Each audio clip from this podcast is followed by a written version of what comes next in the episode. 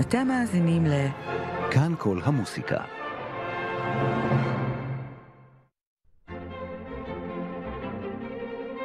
מגזין כאן כל המוסיקה. עורכת ומגישה יוליה צודיקס.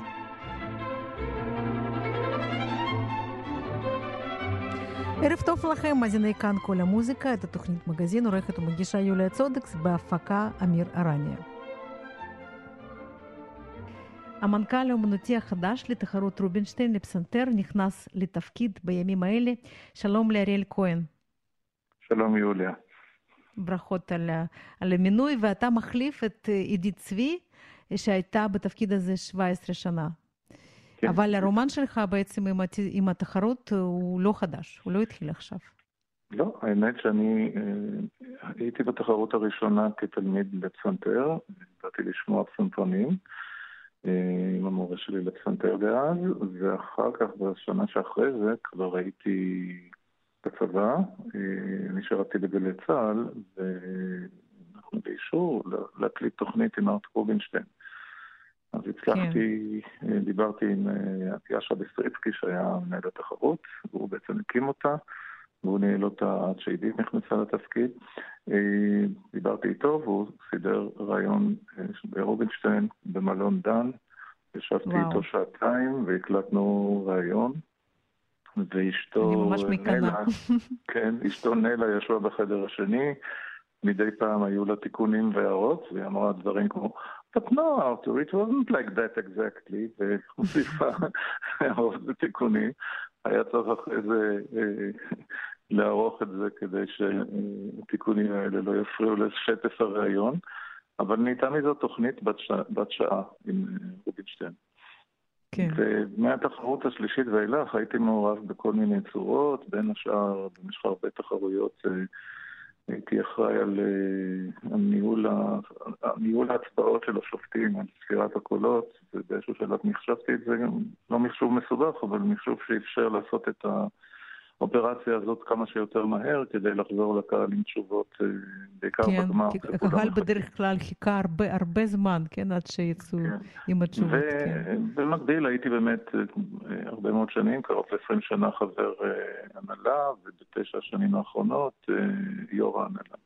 כך שבעצם התחרות הזאת היא חלק מה-DNA שלי, אפשר כן. לומר.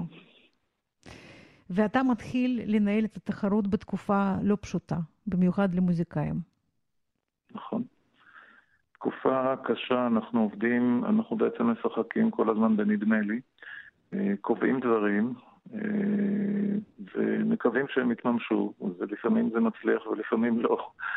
אה, כפי שקרה לנו עם התחרות הזאת, היא הייתה אמורה להתקיים במאי 2020, זאת אומרת לפני כן. חודשיים וחצי. ונאלצנו להודיע על זה שהיא לא תתקיים בתאריכים האלה ממש אה, זמן לא רב אחרי שהתחיל משבר הקורונה. אה, אז עוד השלנו את עצמנו שאולי זה ייקח שבועיים שלושה ויעבור, חיכינו, חיכינו, אבל בסוף ראינו לאן זה הולך, ולכן הודענו שהתחרות תידחה. לא הודענו על תאריך, כי לא היה טעם לקבוע סתם תאריך אז, וגם לא היה כל כך עם מי לתאם את זה.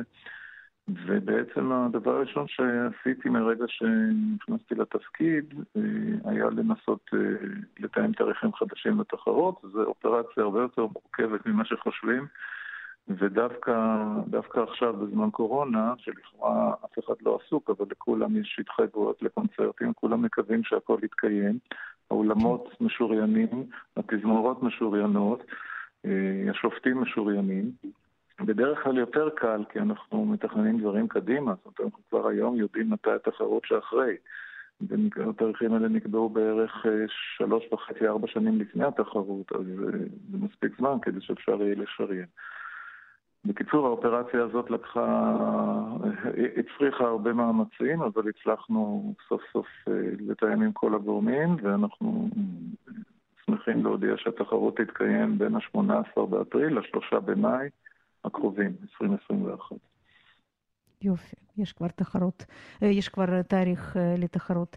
ואם יש בכלל אה, בעמותת רובינשטיין אצלך איזו חשיבה מחדש של כל הרעיון הזה של קונצרטים עם קהל, של תחרויות, חשיבות של מוזיקה קלאסית בכלל, גידול הדור הצעיר.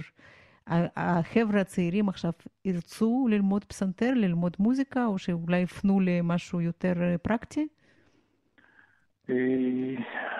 זו שאלה, בשאלה אחת שאלת בעצם דברים שאפשר לדבר עליהם כמה שעות. כן. הייתי אומר כך, המעמד הכללי של מוזיקה קלאסית, לפחות אצלנו, ובחלק מהעולם המערבי, הוא קצת בנסיגה. דווקא בחלק המזרחי של כדור הארץ יש פריחה אדירה, מיליוני צנתרנים ו... ולימודי מוזיקה כחלק מתוכנית הלימודים בבתי ספר וקהל נלהב. זאת אומרת, דווקא במדינות חצי הכדור המזרחי העניין פורח, ואנחנו גם רואים את זה בכמות המועמדים לתחרות שמגיעים משם. וגם חלק מהאלה שמגיעים מארצות הברית או מאירופה הם בעצם במקור ממוצא אסייתי. אז אין ספק ששם כרגע הסצנה הלוהטת של מוזיקה קלאסית.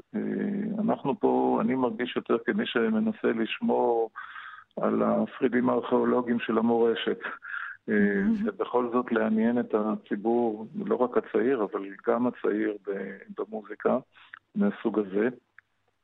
דווקא תחרות זו דרך נפלאה לעשות את זה, כי אנשים נמשכים לפורמט. עצם העובדה שמעמידים להם כמה צנפנים מול העיניים, ואפשר להשוות, ואפשר להיקשר לאחד יותר מאשר לאחר, זה, זה דבר ש, שמהווה סוג של משיכה לקהל צעיר ולא רק לקהל צעיר. ואם לא היו ממציאים את הפורמט של תחרויות עד היום, אז אני חושב שהיה צריך להמציא אותו ולו רק כדרך לקרב קהל. יש גם אווירה לגמרי אחרת בתחרות, זה לא כמו לבוא לקונצרט רגיל, אה, כי בכל זאת אנשים באמת נקשרים אה, רגשית לאומנים שמופיעים, ואחד נקשר יותר לזה, והשני יותר לאחר או לאחרת, ומתחילים להתווכח מי יותר טוב ולמה זה צריך לזכות mm-hmm. ולמה הוא צריך לזכות, ויש ויכוחים בין מורים ומורות לפסנתר, ויכוחים בין אנשים בקהל, ויכוחים בין בני זוג. ואפילו יש לנו שופטים צעירים, חוץ מהשופטים המבוגרים, כן. יש לנו מה שנקרא שופטי העתיד, זה רעיון שהתחיל לעבוד אצלנו כבר לפני כמה תחרויות, שתלמידי פסנתר מובילים או פסנתרנים צעירים בראשית דרכם המבטיחה, שגם ביניהם יש את הוויכוחים והמריבות, ורואים שההצבעות הן לא הומוגניות. לא תמיד. הומוגניות. כן. ברור. מה uh, אתם עושים בימים האלה, חוץ מלסדר את התאריכים ולהתכונן לתחרות הבאה? אנחנו מנסים לקיים פעילות שוטפת גם בשנים שאין תחרות. התחרות הרי מתקיימת אחת לשלוש שנים, כן. ויש לנו תמיד פעילויות שוטפות, אה, אירועים מסוג של נקראים חגיגות הפסנתר, אה, יש לנו אירועים שנקראים צלילים וטעמים. אנחנו כרגע עובדים על שני אירועים כאלה, האחד שאמור להתקיים בירושלים אה, בספטמבר, אבל כאמור הכל עוד אה, קצת באוויר בגלל mm-hmm. המצב, והשני שאמור להתקיים בכפר בלום בדצמבר, חגיגות פסנתר, כפי שהתקיימו לפני שנה, וויקנד ארוך אה, עם חמישה קונצרטים והרצאות, ואירועים שבהם אנחנו משתפים בדרך כלל את זוכים שלנו מתחרויות קודמות. לפעמים גם אה, פסנתרנים שזכו בתחרויות אחרות, אנחנו עושים שיתוף פעולה עם אה, תחרויות אחרות, וכך יהיה גם השנה, אני מאוד מקווה, בדצמבר, כן. בכפר בלום. הפורמט הדיגיטלי שהיה בעצם במקום התחרות במאי, הוא היה מוצלח? זאת אומרת, היו הרבה, הרבה צופים? כן, היו, אה, כשידור, כפלטפורמה, כשידור בפלטפורמה דיגיטלית, זה בוודאי היה מוצלח מאוד, היו לנו אלפים רבים של צפיות. אה, זה לא בא במקום התחרות, זה בא כדי לעמוד בתאריכים שהתחרות הייתה אמורה כן. להתקיים, כן. ולהזכיר שאנחנו פה.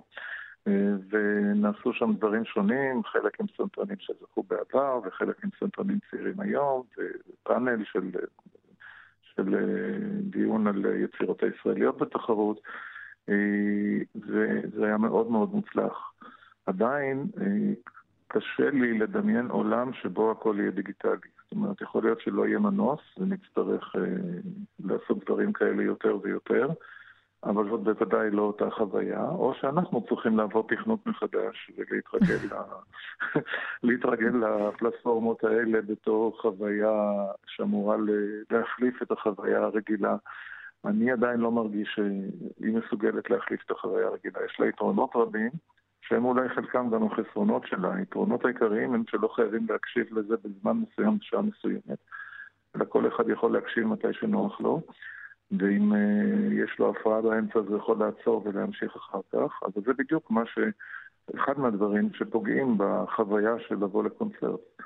שיושבים יחד עם הרבה מאוד אנשים, יש איזשהו אה, משהו באוויר שכולנו מרגישים יחד וכולנו מקשיבים יחד וזהו. העולם החיצוני לא קיים באותו רגע, וזה עושה הבדל מאוד גדול. עכשיו, אנחנו כן אה, מודעים למצב אה, שקלנו אפשרויות של אה, אם אפשר לעשות תחרות בפורמט דיגיטלי. כמובן שיש מקומות שעושים אה, מה שנקרא. בוודאי שטכנית אפשר, חוץ מאולי הגמר, לעשות גמר תזמורתי עם תזמורת כמו הפילהרמונית, בפורמט דיגיטלי זה גם לא הגיוני, וזה גם כנראה לא יתאפשר, כי אם אפשר יהיה להביא תזמורת של 80 נגנים, כן. שיושבים צפוף על הבמה, אז כנראה שגם אפשר יהיה להביא קהל, ואז לא צריך לעשות את זה בפורמט הזה.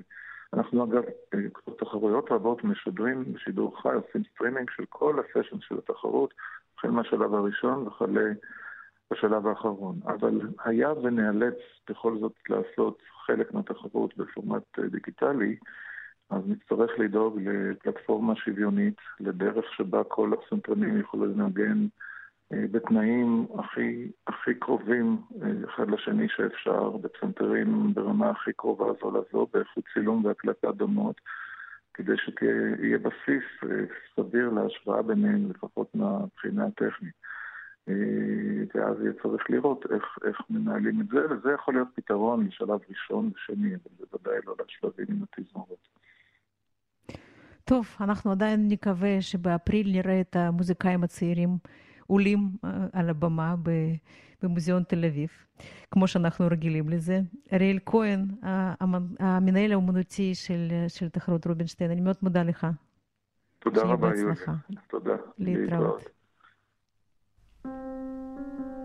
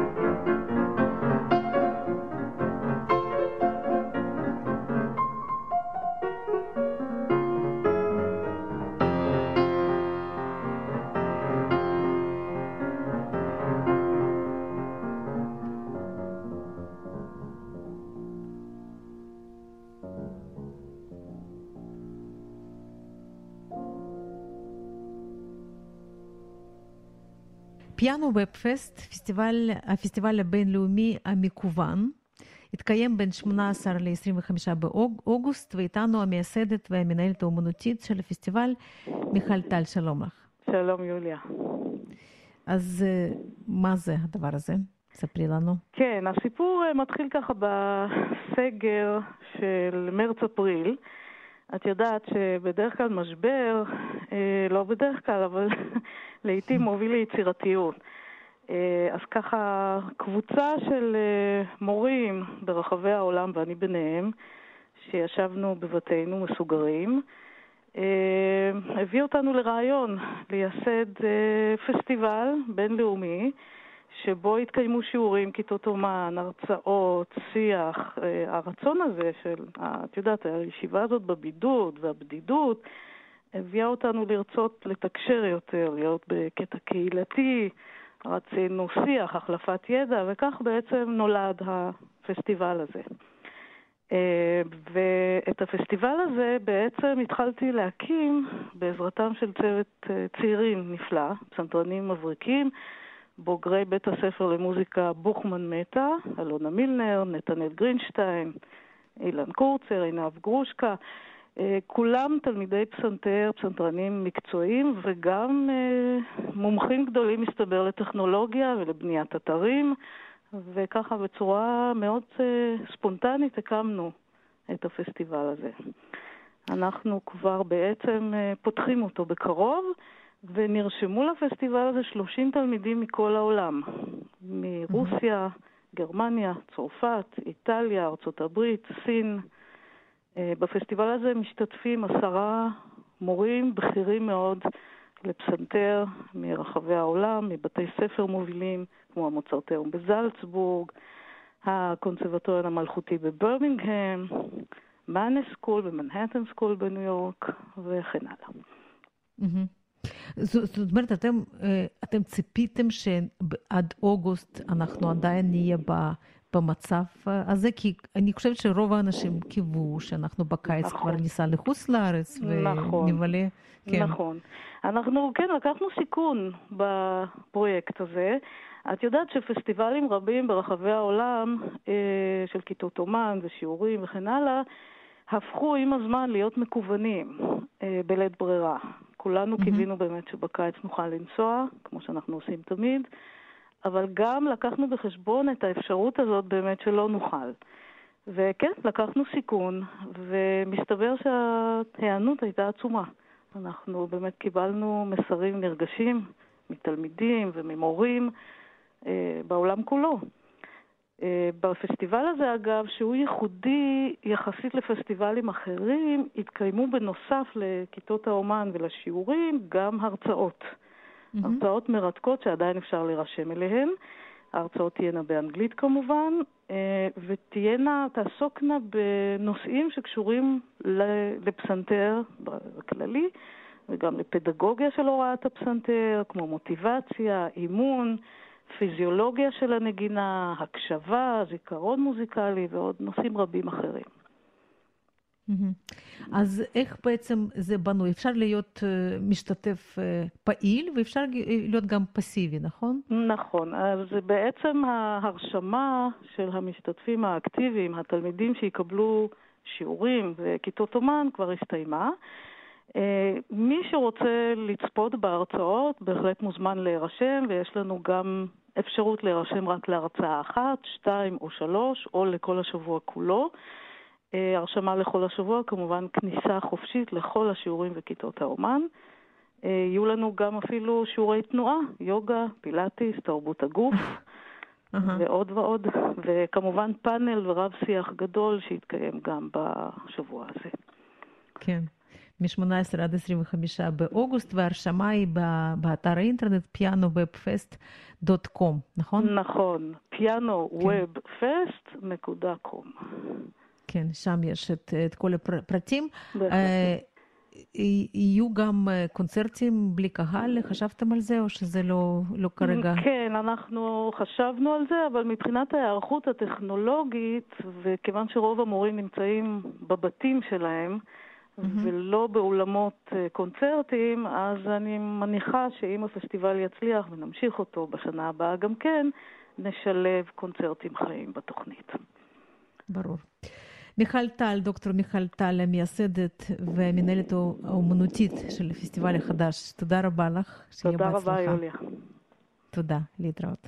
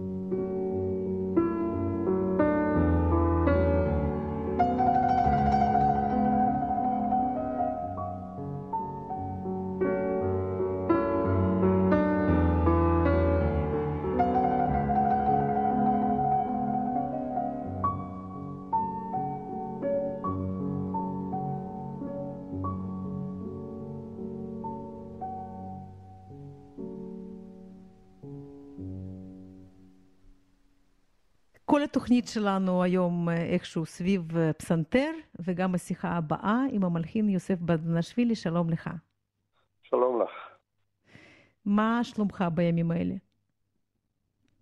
זה, בגדול הייתי להגיד שזה קיץ זה זמן שאני תמיד עובד ומשקיע בכתיבת הלחנה. גם השנה, כמה שמשפיע מצב רוח אבל עדיין אני עובד, ממשיך לעבוד, היו לי הזמנות ואני חייב להתמודד עם ההזמנות וזמנים, הדדליין וכולי וכולי. אז אני עובד כמעט כל יום וממשיך אה, להשקיע כמה שיותר. יש יותר השראה ב, בתקופה הזאת או פחות? יכול להיות אה, השראה, זה אנחנו נשמע ביצירה שאני כותב להזמנת אה, תזמורת קאמרית ישראלית. אני חושב שם אנחנו נשמע קצת המצב הנוכחי, אבל uh, דברים אחרים דווקא זה היו הזמנות טיפה לפני, והייתי לגמור יצירה לשוויץ, פסטיבל ציון, אבל חבל, עכשיו עכשיו מבוטל, ואני כבר לא נוסע, אבל מקווה שזה מתישהו יבצעו את היצירה. גם היה כן. מתוכנן לבצע יצירה חדשה שכתבתי טריו לזכרו, מרטין גיה קנצ'לי, חבר שלי שנפטר.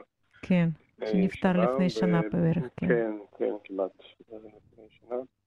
וזה גם במוסקבה, אז עכשיו הכל מבוטל, אבל העבודה שלי זה עבודה, אני חייב, התחייבתי וסיימתי אותה מתשובות, שלחתי. זה ככה, קצת מוזר, אבל בסדר. ממשיכים עם האופטימיות שלי, שעדיין לא נגמר, ממשיך לעבוד. כן, ואנחנו שמענו שאתה עורך את המוזיקה לסרטים ולמחזות שכתבת לפסנתר. את צודקת, דווקא מעניין איך זה...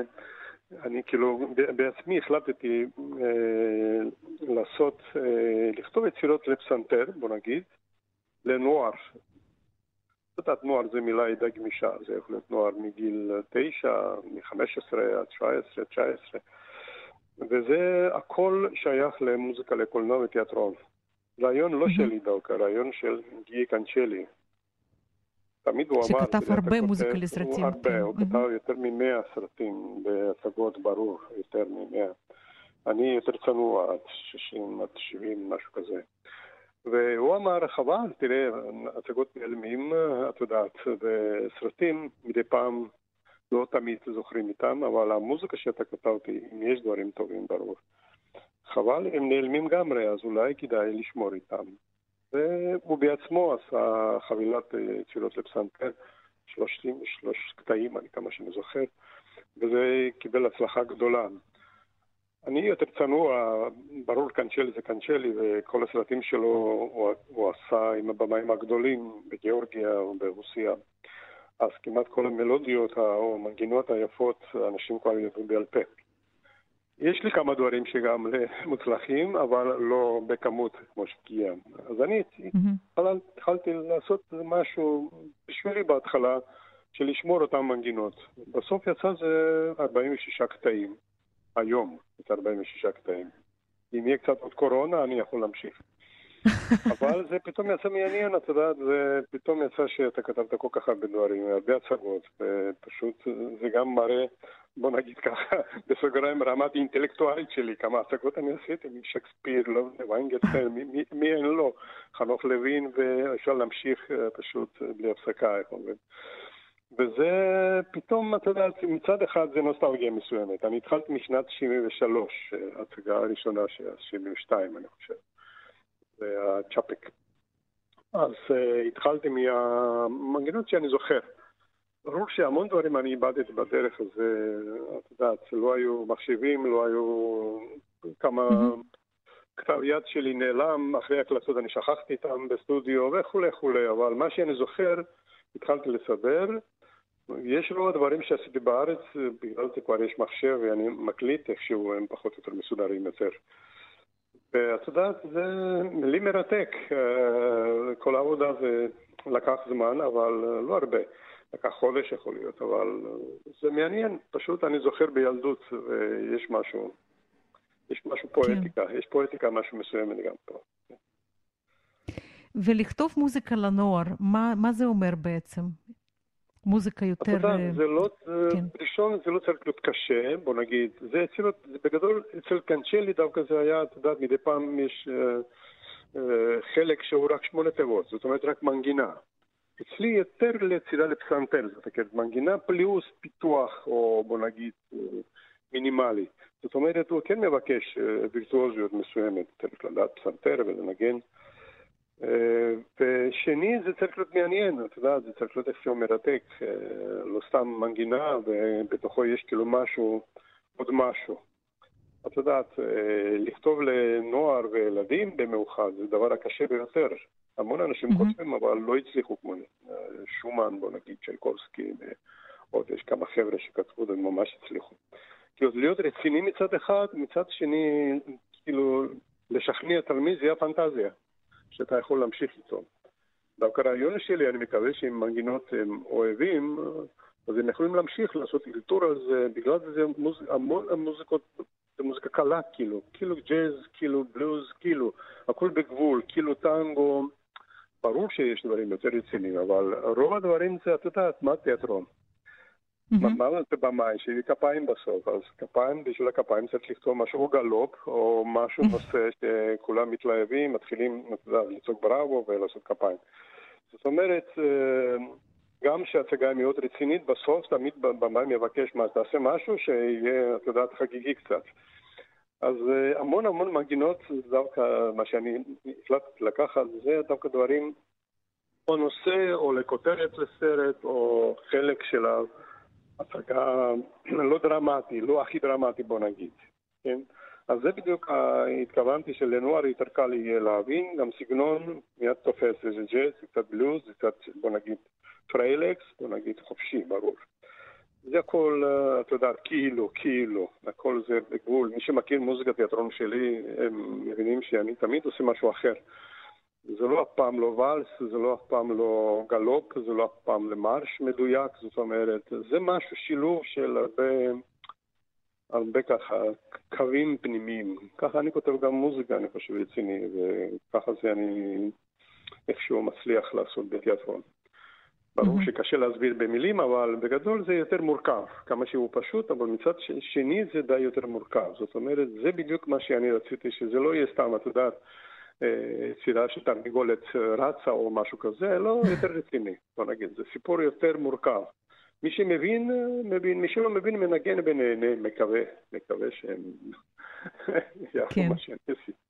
מה אתה מתכוון לעשות עם ה...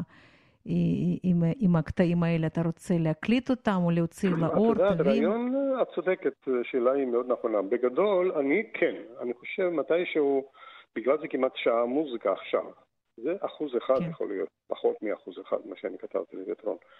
אבל אני מתכוון בסוף, כן, כן, לבצע. מה, מה שאני יכול להגיד עכשיו זה כבר לא סודי, במוסקו המועצת תווים, המוזיקה, Mm-hmm. הם מדפיסים אותם תווים, אז זאת אומרת הוא יקבל צורה כבר רשמית, כבר יוצא ספר, שתי ספרים על המוזיקה לקולנוע, על תיאטרון יוסף ברדנשווילי.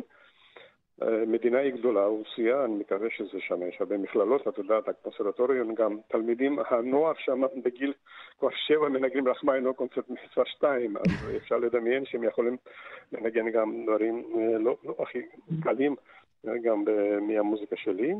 ואני מקווה, כן, להקליט, להקליט, להקליט. אני מקווה, בסוף אני אקליט מתישהו, אמצא כסף קצת. כן. ואני אקליט גם שזה יהיה, את יודעת, אחר כך יכול להיות, אני דווקא חושב, כבר קיבלתי כמה המלצות, אה, נגן ויולן אחד מאוד מפורסם. הוא אמר אולי הוא ינגן קטעים מה... קטעים שהוא אוהב, כבר הוא בדק, הוא אמר זה מאוד אוהב, והוא ישמח לנגן איתם לוויולה לפסנתר או לוויולה לאנסמבל.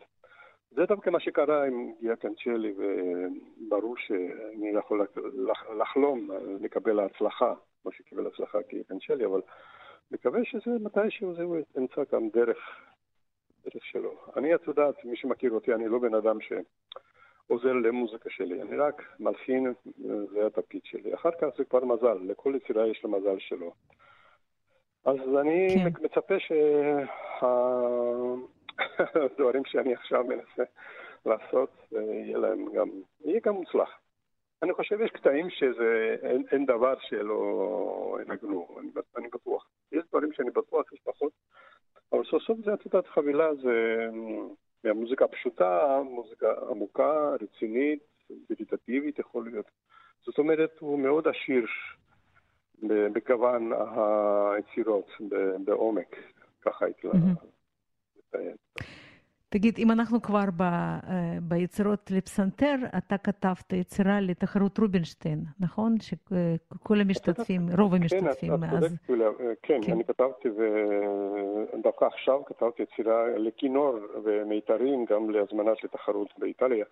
זה מעניין, זה כמעט כולם לומדים, מי שמגיע בתחרות זה כמעט 30 או 35 נגנים, זאת אומרת כולם לומדים, ככה היה גם בתקופת אז. תחרות רובינשטיין, כן. כולם למדו, לא כולם יודעים כמה הם הצליחו בתואר שני, או את יודעת, כמה התקדמו, אבל עדיין שלב שני או שלישי, אבל כולם לומדים. אז זה טוב מאוד, מי שבסוף אוהב וממשיך לנגן. אני רואה שהפנטזיה שלי מאוד מוצלחת, ומנגנים מבצעים המון המון, אני רואה פשוט. זאת אומרת, הפסנתרנים השאירו את זה ברפרטואר שלהם והמשיכו לנגן. חלקם כן, כן, חלקם כן, חלקם נתנו לתלמידים, את יודעת, סוף סוף כולם מוצאים בסוף מורים, אז הם נתנו לתלמידים. אני יודע שבארצות הברית, בשיקגו, כמה שאני יודע, גם בבוסטון ועוד מקומות, כמעט אין תחרות שלא מבצעים אותו יצירה או יצירה השני שלי מפוסט לסנטר. זאת אומרת, איך שיצא שהם הצליחו. אני בחיים שלי כתבתי מעט יצירות לפסנתר. כמה. שאני תמיד משתמש בפסנתר כמו כלי. אבל כתבתי מעט בגלל זה הפחד שלי להיות ברמה של הכלי האינטלקטואלי הזה מפחיד אותי. את יודעת, ואני תמיד באהבה גדולה, אבל מצד שני לא, סתם, לא רוצה סתם לכתוב, את יודעת. יש לי המון הזמנות שמבקשים, אני תמיד אומר לא. אין לי רעיון איך לראות פסנתר יותר טוב. אין לי עכשיו, אין, יכול להיות מחר כן יהיה. מתי שכן, פתאום הרגשתי שיש רעיון חדש, אז אני כן נלחמתי משהו. עכשיו זה יצירות לסרטים, זה פשוט, אמרתי, זה בא אימפולס ממלחין אחר, מהחבר שלי. יקר. בגדול, לי קשה לכתוב סתם לפסנתר. כותבים המון, המון כותבים, והייתי אמת להגיד, לא כל כך מעניין. זה לא פסנתר, מדי פעם זה פטיש, פטיש, או לא יודע, עושים כל מיני פעולות שגם אני עשיתי בכמה יצירות שלי. אבל מתי שאת כל יצירה בנוי, על זה קצת מצחיק אותי. זה כבר לא פסנתרן, זה לא פסנתר, זה כבר כלי אחר. אז לא פסנתרן, פסנתרן צריך לנגן. מספיק שמישהו אחר ינגן. זאת אומרת, אני עדיין נשארתי הקונסרבטור, אם אפשר להגיד ככה. אני אוהב פסנתר, כלי אינטלקטואלי, כלי, כלי עמוק אחד. עשיר, כן. לנו, כן. טוב, היום ככה, אני חושב. יכול להיות מחר אני אחשוב משהו אחר. מחר נשאל אותך עוד פעם. כן, אנחנו תמיד בדרך. ברור. כן. יוסף ברדנשווילי, שיהיה בהצלחה, תמשיך לכתוב. תודה לך. ותודה שדיברת איתנו. תודה, כיף. ביי, תודה לך. להתראות, הרבה בריאות. להתראות, תודה.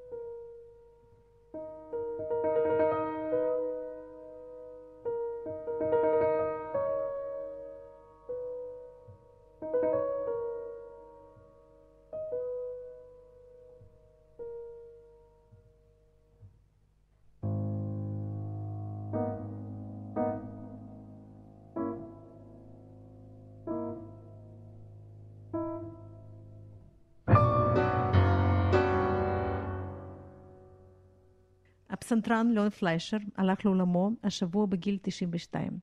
פליישר היה פסנתרן דגול וגם מורה גדול, הוא לימד הרבה שנים, ולפסנתרנית אורית וולף יצא גם ללמוד אצלו. אורית, שלום. שלום יוליה, נהדר. כן, האמת שזה רגע קשה ואובדן גדול, אני חושבת, לעולם שלנו. ליאון פליישר אה, היה גדול הפסנתרנים והמורים והפדגוגים ואנשי הרוח וההשראה. לא יצא לי ללמוד אצלו אה, כתלמידה רגילה במובן הזה שמגיעה כל שבוע, אבל אני אספר שיצא לי לשהות במחיצתו ארבעה חודשים במשך יום-יום, וזה בגלל שהייתי תלמידה שלו בטנגלווד, אחד הפסטיבלים mm. היפים שמתרחשים כל קיץ ביולי-אוגוסט אה, בניו יורק לבוסטון, Tanglewood Music Center, והוא היה אחד מגם האנשים המשמעותיים ביותר שם. וזה פסטיבל שלוקח אה, ממש 12 פסנתרנים כל שנה, מעניק להם מלגות אה, מלאות, והם לומדים עם פליישר ועוד באמת פסנתרנים גדולים ומנצחים במשך יום-יום בקיץ, מנגנים איתם, לומדים איתם, מופיעים איתם, חיים איתם, אוכלים איתם. ויצא לי בעצם לבלות אה, עם ליאון פליישר יום-יום שני קיצים מלאים. וזאת הייתה חוויה מאוד גדולה, כי הוא היה קודם כל אדם גדול מן החיים, הוא היה אוהב את החיים, הוא היה איש של החיים הטובים, יוליה. זה לא היה אה, פסנתרן ומורה מהסיזיפים ששואל אותך כמה ניגנת, נהפוך הוא. הוא היה מתרווח וקורא וצוחק ושותה ואוכל. אמ, הוא היה מאוד רציני, אבל יחד עם זאת גם מאוד אה, נהנתן במובן הטוב של המילה. בעצם הוא לא ראה את המוסיקה כ- כדת, אלא כאורח חיים. ואני אספר לך אנקדוטה שקרתה לי איתו עוד בארץ, כשהוא היה מגיע המון, כל שנה הוא היה מגיע לתת כיתות אומן במשכנות שאננים. זה היה אז בשנות ה-80, הייתי ילדה צעירה, ככה בת עשר, ויום אחד עליתי ל- לירושלים לקחת ממנו כיתת אומן, למדתי אז אצל מורה חנה שלגי, ואני מנגנת לו סונטה פסטורלית של בטהובן, והיה לנו שיעור מדהים. ובסוף השיעור הוא רצה שאני ארשום משהו, ולא כל כך הבנתי את האנגלית, איתו ילדה בת עשר, וביקשתי ממנו בתמימותי הרבה, אה, פרופסור פליישר, could you please write it down for me? האם תוכל לכתוב לי את מה שאמרת? והוא אמר, no, no, no, you can write it yourself. ואמרתי לו, אבל I couldn't understand, אתה יכול בכל זאת לכתוב לי? ולא הבנתי אז למה הוא מתעקש שאני אכתוב לבד. כי אז לא זכרתי ולא ידעתי, ככה בתור ילדה צעירה, שיש לו בעיה עם היד. שיש לו בעיה ביד ימין, שהוא בעצם אה, לא יכול לא לכתוב ולא לנגן, ובעצם הוא הפך את הטעות להזדמנות, או את הכישלון להצלחה, כי הוא היה מקליט הרבה שנים ביד שמאל.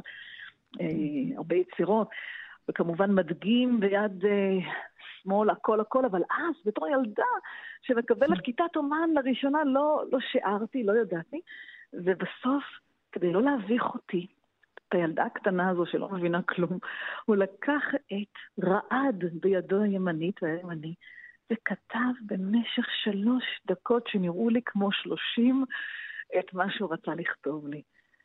וזה היה רגע מכונן, כי הרגשתי, וואו, בושה, איך, איך נתתי לו ככה להתאמץ, אבל הוא לא כן. ויתר, לא לעצמו ולא, ולא בעצם למצב, והוא רשם. ואני זוכרת שחיכתה לי הפתעה, אז עוד לא היה בכלל אה, אימיילים ולא אינטרנט, חיכתה לי הפתעה ממנו, הוא היה אדם חם. הוא שלח לי המלצה בדואר בחתימתו הרועדת, שהוא כל כך אה, אה, שמח לעבוד איתי, והוא מצפה יום אחד שיגיע לארה"ב לעבוד איתו, וכך היה. אבל mm-hmm. הוא היה אדם שלא רק בא לתת כיתות אומן וללכת, הוא אחד שהשקיע בכל אדם ובכל תלמיד. ו- וזכיתי, אני מרגישה שזכיתי ב... את יודעת, אני אומרת, הוא לא היה מוזיקאי, הוא היה אומן. וההבדל בין מוזיקאי לאומן זה שהוא קודם כל היה גם בן אדם. הוא ראה את המוסיקה כחלק מתכליל החיים המלא. אז כן. אה, נותר לנו ליהנות רק מה, את יודעת, יוליה, מההקלטות והזיכרונות, ולנצור אותנו. כן, זה באמת דוגמה פשוט מדהימה של, של חיים של אומן וגם התמודדות לא פשוטה עם, עם הבעיה, עם היד. הוא, דרך אגב, אה, בסוף החיים הוא כן אה, עבר איזשהו טיפול והוא כן היה מסוגל כבר לנגן בשתי ידיים, נכון? נכון, נכון, בהחלט אה, לא ויתר. אנחנו מדברים על שנות חייו המאוחרות אה, ביותר, כך משנות ה-75 אה, ומעלה. זה באמת בן אדם ש... את יודעת, הוא מזכיר לי בהרבה מובנים את ארתור רובינשטיין, שניגן עד ימיו האחרונים, עד גיל 91, כן. אם אני לא טועה. אה, ככה גם פליישר. היה, הוא לא ויתר לעצמו ולא ויתר על כלום. אה, וכמו רובינשטיין, שאת יודעת, יש תמיד אנקדוטה שרובינשטיין היה מתאמן עם דובדבנים ושוקולדים משני צידי הפסנתר. אה, גם פליישר, היית בא להיות איתו והיה לעשות, היה לעשות חיים, גם הייתה יראת כבוד למאסטרו, אבל זכיתי לראות אותו, מה שנקרא, גם בכפכפים. אה, את יודעת, יש לי עכשיו פודקאסט שנקרא אורחים בכפכפים, ואני אומרת, וואו, אם הייתי יכולה להביא אותו עם הכפכפים אז ולראיין אותו. איזה פספוס שלא הספקתי. זה להביא את האנשים הגדולים האלה, דווקא בנעלי הבית. אה, הולכים עם מכנסונים קצרים ונעלי אצבע. בזה משהו קסום, והוא היה כזה. לא ניסה להרשים אף אחד. הוא ניסה בעצם לתת לנו חוויה של להעביר אה, עוצמה, תשוקה, עם הרבה בהירות. ובטהובן, ללמוד אצלו בטהובן זאת הייתה עבורי אה, הערה גדולה. אחר כך אה, גם עשיתי את הדוקטורט שלי על בטהובן הרבה בזכותו, כי זאת הייתה הערה גדולה. איך שהוא התייחס לבטהובן זאת הייתה עבורי, אה, לא יכולה להגיד לך את זה אפילו במילים, זאת הייתה הסתכלות אחרת על החיים. ממש, אני, זה נשמע גדול, אבל זה היה גדול. כן. אני הכי אוהבת אצלו את הקונצ'רטו הראשון של ברמס. זאת אומרת, אני חושבת שזו פרשנות הכי, הכי יפה לקונצ'רטו הזה שאי פעם שמעתי. ואנחנו וואו. נשמע עכשיו את נכון. פרק הסיום של, של הקונצ'רטו, ליאון פליישר בפסנתר, תזמורת קליבלנד וג'ורג' סל. מנצח, אורית וולף, אני מאוד מאוד מודה לך. תודה רבה, יוליה. בהצלחה. תודה, להתראות. להשתמע. וכאן אנחנו מסיימים את תוכניתנו להיום. יוליה צודקס ואמיר ארניה מאחלים לכם סוף שבוע נעים. נשתמע בשבוע הבא. להתראות. thank you